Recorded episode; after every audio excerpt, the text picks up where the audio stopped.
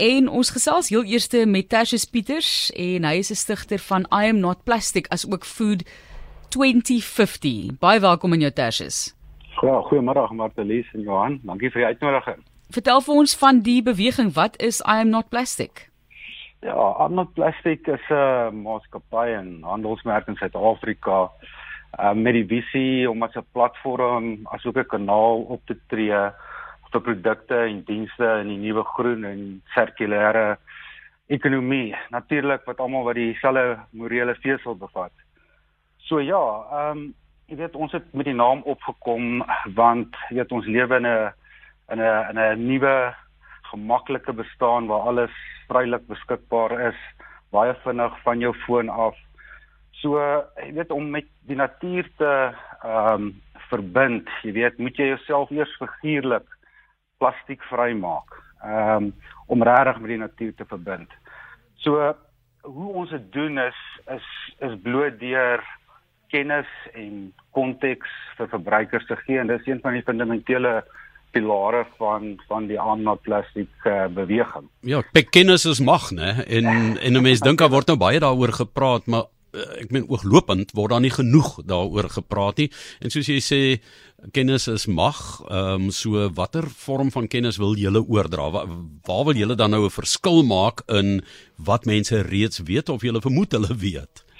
Wel, ek dink ehm um, daar's 'n daar's 'n 'n disconnect ehm um, uh, heidaglik in die mark. Ehm um, almal op elke stuk verpakking sien jy dis groen dis uh hersirkuleerbaar dis en ek dink verbruikers raak verward in uh in hierdie nuwe groen ekonomie. Ehm um, ek weet ek kan vinnig net 'n voorbeeld gee en ek dink 'n voorbeeld is altyd die beste manier om vir luisteraars en verbruikers te verduidelik want dis iets waantoe hulle uh wat elke dag deel van hulle lewe is. So, mm -hmm. Byvoorbeeld ehm um, plastiekbottels, jy weet hierdie waterbottels wat ons hier van die 90s af begin uh water uit drink het en mineraalwater, deesdae is dit reverse osmosis water. Nou tipies as jy water in 'n 500 ml houer gaan koop, dan kos dit jou in die omgewing kom ons sê R10. Ehm um, as jy daai selfe water gaan koop as 'n uh, uit 'n dispenser uit of deesdae baie my gunsteling vakansieplek Jongensfontein daar kan jy water van 'n groot dispenser af gaan koop. Dit dan kos dit jou net onder R2 'n liter. Weer volmaak versus R20. Nou dit klink nie baie nie maar as jy elke dag 'n 500 ml waterbottel uh, gaan gaan koop vir R10 dan gaan jy aan die einde van die maand gaan jy 15 liter water gedrink het en dit gaan jou R300 kos Maar as jy water uit 'n dispenser uit gedrink het in 'n hervulbare uh uh uh bottel, ehm um, dan kos dit jou uh, R30. So jy so jy dis voorstel dat elkeen 'n audit maak van jou eie omgewing. Ek meen dat jy dit al gedoen. Ek sit nou hierso, ek het hier rekenaarskerm, ek het die klankbank, ek het my selfoon hier, so alles het plastiek aan. Het, het... Ja, ja, so so so daar is 'n daar's 'n wesenlike verskil wat ek nou hier verduidelik. Jy weet is is die enkel gebruik ehm um, plastiek. Hmm. Jy weet en dit het gekom as gevolg van ons gemaklike bestaan. Jy weet elke verbruiker wil 'n groot verskeidenheid van verskillende produkte wil hy hê enige tyd van die dag ehm um, beskikbaar vir hom.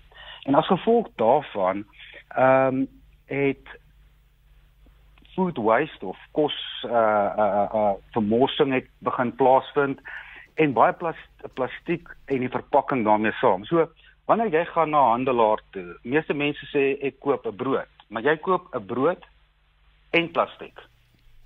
Jy koop melk plus die plastiekbottel. Mhm. Mm so so in my in my opinie, ehm um, weet die haalbare eerste stap is is sekerlik water wat 'n natuurlike bron is. Nou as 'n as water 'n natuurlike bron is, hoekom verpak jy dit in plastiek? Want nou wil jy weer die plastiek uit die water uithaal. Jy weet dit dit dit maak glad nie sin nie. En as soos wat ek gesê het, dit kan jou sak R270 'n maand spaar deur net 'n bottel te ehm um, te hervul een keer 'n dag. Maar vertel my 'n bietjie hoe jy op hierdie filosofie gekom het. Het jy self eendag gaan sit en Ja, ek het net basies gaan kyk wat wat is haalbaar, jy weet, en en soos ek sê in terme van die bottel, jy weet, as ek dit doen, dan spaar ek 30 plastiek bottels 'n maand, 360 per jaar. As 0.2% van die Suid-Afrikaanse 27 miljoen 100 000 mense per dag besluit, net 100 000. Hulle besluit hulle gaan van vandag af elke keer net hulle bottel vol water maak in plaas daarvan om 'n 500 ml plastiek bottel te verkoop, dan kyk jy na 324 miljoen jaar ek en nou na 324 miljoen per jaar besparing vir die verbruiker. Jy kyk na 36 miljoen bottels. En dis tog 'n haalbare stap. Jy weet elke ou kan sê luister, weet ek gooi uit 'n dispenser uit, jy kan die water gaan koop of weet 'n filterstelsel. So daar's 'n daar's 'n wesenlike besparing vir jou sak nommer 1 En tweede instansie, jy hoef nie te gaan plastiek bottels so weer hersirkuleer nie want jy gebruik dit nie. Ja. Maar is die is die uitdaging dus van die plaas tot die vurk, daai ketting.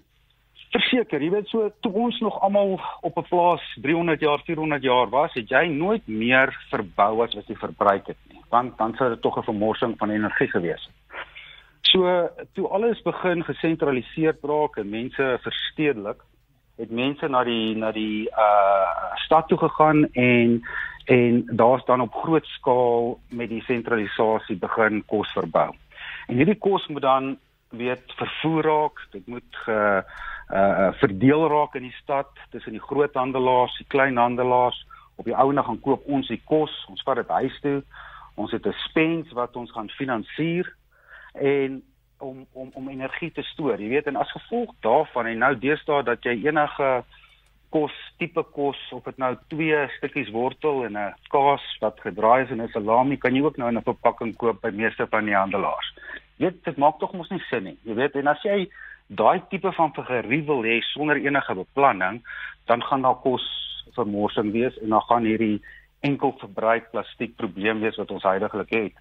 En ehm um, jy weet van dat die hersirkulasie strategie begin het in die 90s uh met die plastiekverpakking is daar nog steeds net 10% wat gehersirkuleer raak en en en daar's 'n goeie rede daarvoor want meeste van enkel gebruik plastiek kan nie hers, hersirkuleer raak nie, weet. Ja. So dit moet gaan na uh uh, uh stortingsterreine toe, incinerators waar dit verbrand word en so voort. So vir my is dit ek dink vir meeste mense is dit hierdie groot ding om te sê luister weet ek voel skuldig omdat ek nie omdat ek nie 'n verskil maak nie en um om vir mense 'n uh, stap te gee wat regtig reeds sou wees om dit te verstaan maak. Jy kan vandag begin om waterbottels vol te maak eerder as om water te koop.